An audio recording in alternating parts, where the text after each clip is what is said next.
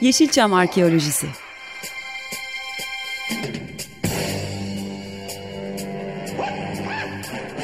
Türk sineması ve Yeşilçam'ın besin kaynakları, emekçileri ve kıyıda köşede kalmış hikayeleri.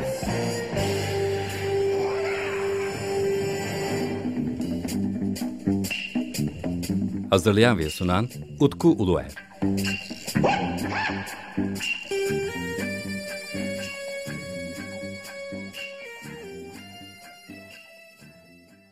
Merhaba çok değerli Açık Radyo dinleyicileri. Hepiniz Yeşilçam Arkeosu programına hoş geldiniz. Efendim bu haftaki programımızda çok değerli bir konuğum var. Mehmet Berk Yaltırık. Efendim hoş geldiniz Mehmet Bey. Hoş bulduk Utku Hocam. Merhabalar. Mehmet'le birlikte ya 2017'ydi ya da 2016'nın sonuydu. Tam hatırlamıyorum tarihi. Ee, Yeşilçam Arkeolojisi'ni yapmaya başladığım ilk dönemde bir program yapmıştık ve tadı damağımda kalmıştı. Gulyabani üzerineydi. Biz o programı yaptıktan sonra da sanırım Sem e, en sonunda 2022 yılında da bir e, Gulyabani üzerine bir kitap e, Evet. yaptınız değil mi? Evet. Türk Kültür'de Gulyabani, Seçkin Sakkaya ve ben Faruk Yazıcı'yla birlikte üçümüz e, yazdık. E, tabii o programdaki anlattığım notların birçoğu o kitapta çıktı aslında yazılı olarak. Benim o aktardığım notlar, anekdotlar o kitapta yer aldı. Öyle bir macerası oldu. Programın notunu almıştım ben çünkü önceden. Hatta makale gibi de böyle bir hazırlamıştım. Hani böyle belki bir yerde lazım olur falan diye. O da kitaba denk geldi. Konu oldu. O müthiş. Abi bilmiyordum ben bunu gerçekten. Şimdi daha gurur duydum. O zaman seni ilk gördüğüm anda kitabı e, bunu da not düşerek o zaman imzalatmak istiyorum. E, Eyvallah. bir süreden beri de denk gelemiyoruz. Araya da pandemi girince e, biraz uzadı ve ben dedim ki artık Mehmet Berk Yaltırık'la program yapmamızın vakti geldi. Çünkü ben en son onunla program yapmayı düşündüğümden beridir üretimleri devam ediyor. E, hem yayınlarına devam ediyor. Çünkü sanırım pandemi döneminde e, bayağı bir hız verdin sen yayınlara. Özellikle canlı Evet yayınlara. evet. Ben canlı yayın yapmaya pandemide pandemiye yakın başlamıştım. Zaten bir işte mikrofon vesaire kamera ışık alıp bir yayınlara başlama niyetim vardı almıştım. Tam o sırada pandemi patladı. E dedim ki madem eve tıkıldık hadi yayın açayım. Sonra bende bu alışkanlık haline geldi. Yani o dönem bu koşturmaca geçti. Çoğu kanal artık eskisi gibi e, yayın faaliyetinde bulunmuyor maalesef. Yani yayınlarını sürdürenler var. Profesyonel yayıncılar vesaire. Ben biraz daha hobi kavlinden yapıyorum bu işi ve e, ilgimi çektiği için de yayıncılığı sürdürüyorum işte. Sadece çok böyle muayyen, belirli tarihlerde değil, ayarlayabildiğim tarihlerde bazen konuklu yayınlar yapıyorum, bazen tek başıma çıkıp bir şeyler anlatıyorum ya da seyircilerle konuşup tartışıyorum. Böyle kültür e, içeriğinde kendi e, alanımda niş sayılabilecek konularda konuşmayı, yayın yapmayı sürdürüyorum YouTube'da. Sogule Bandi Ya kanalında.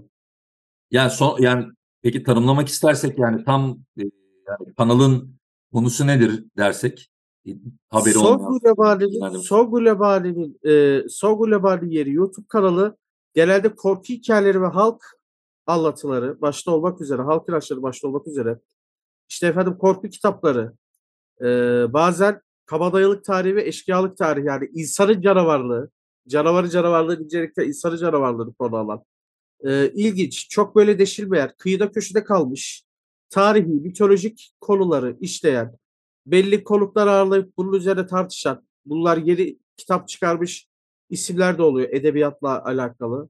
Kurgu dışı eser sahipleri de çıkardığım oluyor.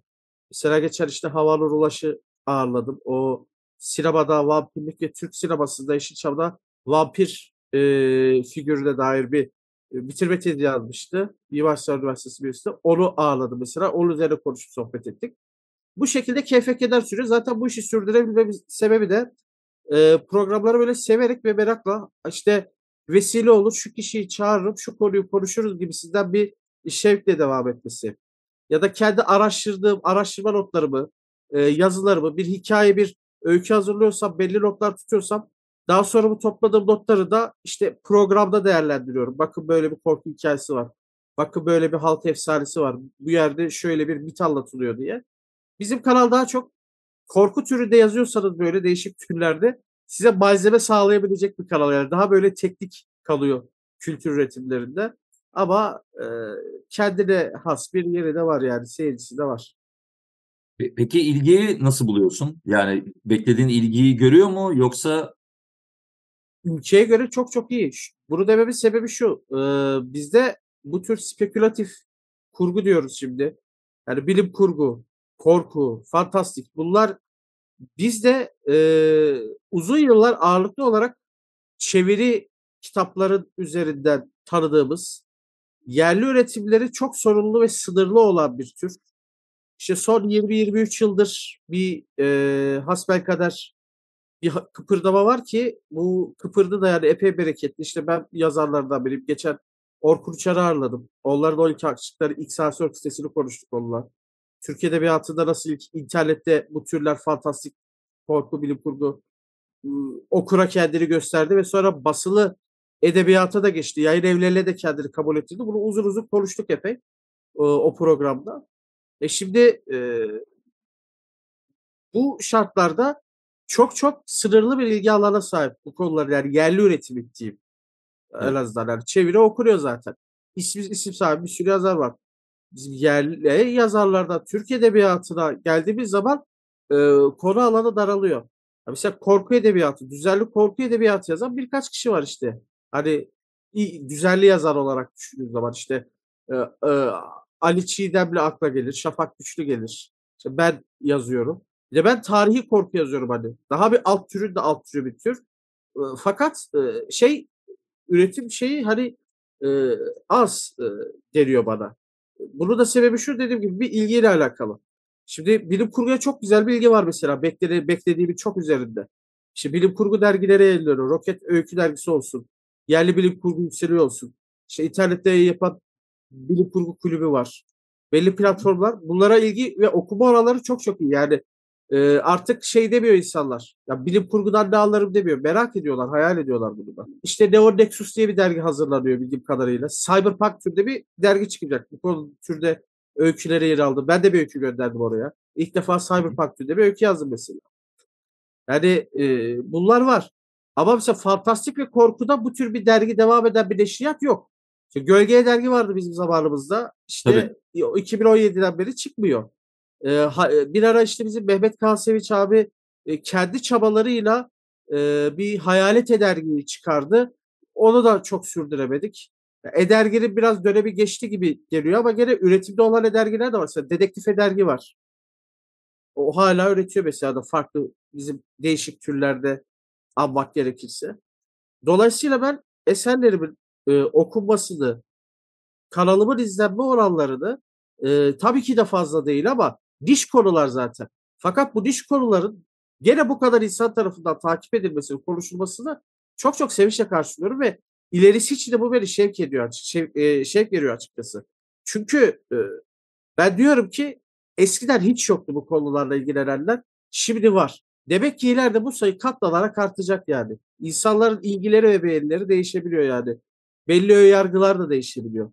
Belki eskiden bu, bizde bu tür şeyleri yazar olmaz deniyordu ama okur bu önyargıyı kralı çok olmuş yani. Bize her türlü yo, gösteri gösteriyor. Yo, yani zaten gelmek istediğim nokta oydu. Yani çünkü hani sonuçta programımız Yeşilçam arkeolojisi. Evet. Yani burada hani ele almaya çalıştığım şey aslında sadece olanlar değil olmayanlar. Yani çünkü evet. e, olmayan bazı şeyler varmış. Hatta ben e, seninle de onu da konuşmak istiyorum. Yani bu kadar rahat beslenebileceği kaynaklar. İşte sen mesela kabadayılarla ilgili çok ilgilenen birisisin. Evet. Ama mesela bizim sinemamız yani çok da hani ilgi olmasına ya, olma ihtimali olmasına rağmen ilgilenmemiş konuyla çok fazla. Yani bu ilginç gelmiyor mu sana? Hani işte Süt Kardeşler falan hani o Kemal Sunal'ın komedilerinde böyle kabadayı tiplemeler vardır ama hani kadırgalı evet, falan evet. koymuşlardır ama ya o kadar. Ya kabadayılar gene belli bir nebze şanslı şey olarak. Hani çekip yani sinema anlamında şanslılar. Çünkü belli dönem hatırlanıyor. İşte Ustara Kemal gibi denemeler de buluyor. İki kere evet. uyarlandı sonuçta. Bir 96'da bir 2012'de. Ama şey şanssız mesela bizde e, bunun yani literatürdeki şey biraz şanssız. Çünkü hatıratlar dışında kabadayılarla ilgili doğru düz çok bir kaynak yok. Akademik araştırmalar da sayısı sınırlı. Asıl burada bizim konuşmamız gereken malzeme zenginliği bence korku anlatılarındaki malzeme zenginliği. Yani gerçek bir çeşitlilikten ve sözlü bir kültür hazinesinden bahsediyorum. Defileciler, lanetli defileler, kahvehanede konuşulan cin düğününe katıldığını iddia eden ihtiyarlar, Yok işte çocuk gel karakol colos geldi. Yok annem bana hamileyken al bastı çöktü. O kadar çok hikayeler hala şehirleşmenin Türkiye'de şehirleşmeli ve şehir kültürü çok baskın ve yaygın olmasına rağmen hala tekrar tekrar anlatılıyor ki ben bir seyirci olarak yani sadece korku yazar bir yazar olarak değil bir izleyici olarak korku türünde içerikler tüketmeyi seven takip eden bir izleyici olarak soruyorum. Ya bizde bu kadar zenginlik varken neden işlenen temalar bu kadar sınırlı? Neden hep belli klişe kalıplar işleniyor sinemada? Çünkü yani basit bir örnek vereceğim. Bunu da arkadaşlarımla genelde konuştuğumda teyit ediyorum. Şimdi oturup herhangi bir dönemden, herhangi bir yönetmenden 5 tane korku filmini, yerli korku filmini ard arda izlesek aklımıza kaç tanesi kalacak? Şablonları birbirine benzediği için imkansız. İsimler isimler bir yani belli kalıpları devam ettirdiği için imkansız neredeyse. Çok belli başlı örnekler var spesifik aklımda kalan. İşte genelde Alper Besçi'nin ben e, Sikcin 3 Cürme Aşk'la Musallat'ını severim mesela. Konuyu ele alması açısından. Şimdi bizim böyle bir zengin kült, kültürün üzerinde oturuyoruz. Fakat işlenen cin genelde Hollywood vari cinler oluyor mesela. Bizim Anadolu'daki o vesveseyle saldıran korkusunu görünmezlikten, bilinmezlikten, tahmin edilemezlikten alan cini biz sinemada çok göremiyoruz açıkçası. Bu bir sınırlı kalıyor. Daha da ötesi bunu okur bize hep soruyor. Ne zaman bir korku dizisi ya da fantastik bir dizi içeri çekilse işte bir e, Yaşamayanlar dizisi çekildi en son. Orada mesela okur ilk şuradan puan kırdı. Soruyordu herkes Twitter'da. Size gelip danıştılar mı? Vampir dizisi çekiyorlarmış. Dedim yok bana mail atan bile olmadı dedim. Okur ilk oradan kırdı puanı. Ha demek ki uyduruk bir şey çıkacak diye. Bak okur diyor bunu ben demiyorum. Sonra işte zaten batı tarzı bir üretim görünce de bunu ya niye aynısını alıp çakmışız diyorlar. Daha biz or, orijinal özgün bir şey yapalım biriniz diye. Elimizde bizim hikaye kısıtlılığı yok. Senarist kısıtlılığı da yok yani. Gayet yetenekli bir sürü senarist hikaye yazan insan var yani. Ama işte bir yerde bir şeyler oluyor ve bu farklı güçlerin, enerjilerin birleşmesini engelliyor böyle. Sanki kara bir büyü var. Yok hayır ya onu soracağım yani, yani soracağım soruyu sen zaten söyledin. Yani sana danışmanlık teklif eden olmadı mı hiç diye soracaktım yani. Bir kere e, sağ olsun Can Evrenol Al Karısı temalı bir film çekiyordu. Bu Lohusalar Musallat olan bir cin Anadolu'da. Cin de değil aslında başka bir varlık. Ama artık Lohusalar Musallat olan cin diye tanımlıyoruz biz bunu. Öyle tanımlanıyor şeyde halk anlatılarında. Onunla ilgili işte bir yazıştık, mailleşme imkanı bulduk ve benden materyal istedi. Al karısı ile ilgili. Ben elimdeki bütün makaleleri attım. Bazı soruları oldu. Bildiğim motifleri attım ben şey ona kendisine. Sağ olsun şey yaptı hani istifade etti ve bu şeytan şey bu Evil Evil Guides diye başlayan bir film var. İşte kötülük kötülüğüyle kitabı, kötülüğün rehberi mi diye bir film. 4-5 ayrı yabancı ve bunlar içinde Türk de var. Farklı ülkeden korku hikayelerinde yer aldı. Kısa böyle korku hikayelerinde 20 dakikalık kısa filmler halinde, orta metraj filmlerde deniyor herhalde ona. Yer aldığı bir seçki. Onun için yer aldı. Teşekkür kısmında benim adım yazdı orada geçti. Benim öyle bir doğrudan danışmanlık işi var. Onun dışında danışmanlığa niyetlenen bile sonrasında çok öyle arayıp sormadılar. Hani şey yapmadılar. Üstüne düşmediler pek. Hani açıkçası ya da ben adımın başka bir yerde geçtiğini görmedim yani bir teşekkür şeyinde falan. Gıyaben işte bir eseri yazarken, üretirken ilham aldığını söyler çok oldu bak. İlham alan çok var yani diyorlar. Şu eserinizden ilham aldım. Bana şu konuda fikir ver diye var ama gel bize danışmanlık yap bunu anlat vesaire diye çok olmuyor maalesef. Yani bir, bir sefer bir, bir, bir oldu bak şimdi onu anlattım. Dediğim gibi zaman içerisinde ben senin üretim yapma hızını ve tepkini gördüm. Hani sen kendi de söylüyorsun hani sen belki de hani izleyici sınırlı olmasının üzerine bir şey kattığın anda sen zaten motive oluyorsun ve bunu devam ettiriyorsun. Evet. Ya iyi şanslar dilemek istiyorum sana ama öteki yandan da şunu söylemem gerekiyor. Farklı konu içeriklerinde olsa da biz aynı yola baş koymuş insanlarız demem gerekiyor. Evet. Çünkü bunu bir merak kendimizi de motive ediyoruz. Ki Yeşilçam arkeolojisi benim de hoşuma giden bir alan. Takip ediyorum ya sık sık böyle haberler, o oyuncular, az bilinen kareler, konular, Yeşilçam biyografileri bunlar benim çok hoşuma gidiyor. Ee, geçen şey biz Erşak Kuleli'yi izlemiştik arkadaşlar mesela ve onu biz Yeşilçam arkeolojisi kavramı altında inceledik. Yani hangi karakter nereye gönderme vesaire. Bu, bunun üzerine konuşmak da hoşuma gidiyor açıkçası ve evet aynı kültür içerikli kültür içerikleri üreten insanlar olarak yayın dünyasında farklı mecralarda da olsa aynı yolu yolcuyuz abi kesinlikle. Ya ben, ben son dönemde özellikle hani bu, e, eser yapan ya da araştıran insanları özellikle birazcık daha yer vermeyi tercih etmeye başladım. Çünkü e, sanırım bu tip içerik üreten insanlara da fazla yer verilmiyor. Me- mesela çok Evet. ilginç bir şey söyleyeyim. E, benim program 8. yılına girmiş bu arada. Bu, yani Oo, 8 yıldan beri de. Yeşilçam arkeolojisini yapıyorum. Bu Yeşilçam arkeolojisi term- terminolojisinde yaklaşık herhalde 2011 falan civarından beri bir fiil kullanıyorum. Çünkü o benim hani Evet. rehberi olduğumdan dolayı kullandığım bir terimdi. Evet. Başka insanlar da paralel kullanmış olabilir. Sanırım Burçak Evren Evet evet. e, kullanmış. Vadullah Taş kullanmış olması gerekiyor. Ama Sinema güzel bir kavram olarak- ve tanımlayıcı bir kavram açıkçası. Çünkü dediğim gibi öğelerini ayırıyoruz yani o filmin, oyuncu, hangi dönemde yer aldı. Hani arkeologda bir şey katmanı deşeler ya o katmanı çıkarır. Aynen, Hangi aynen. dönemde ne oldu diye. Dolayısıyla güzel bir yerinde bir tabir. Çok hoş bir tabir açıkçası.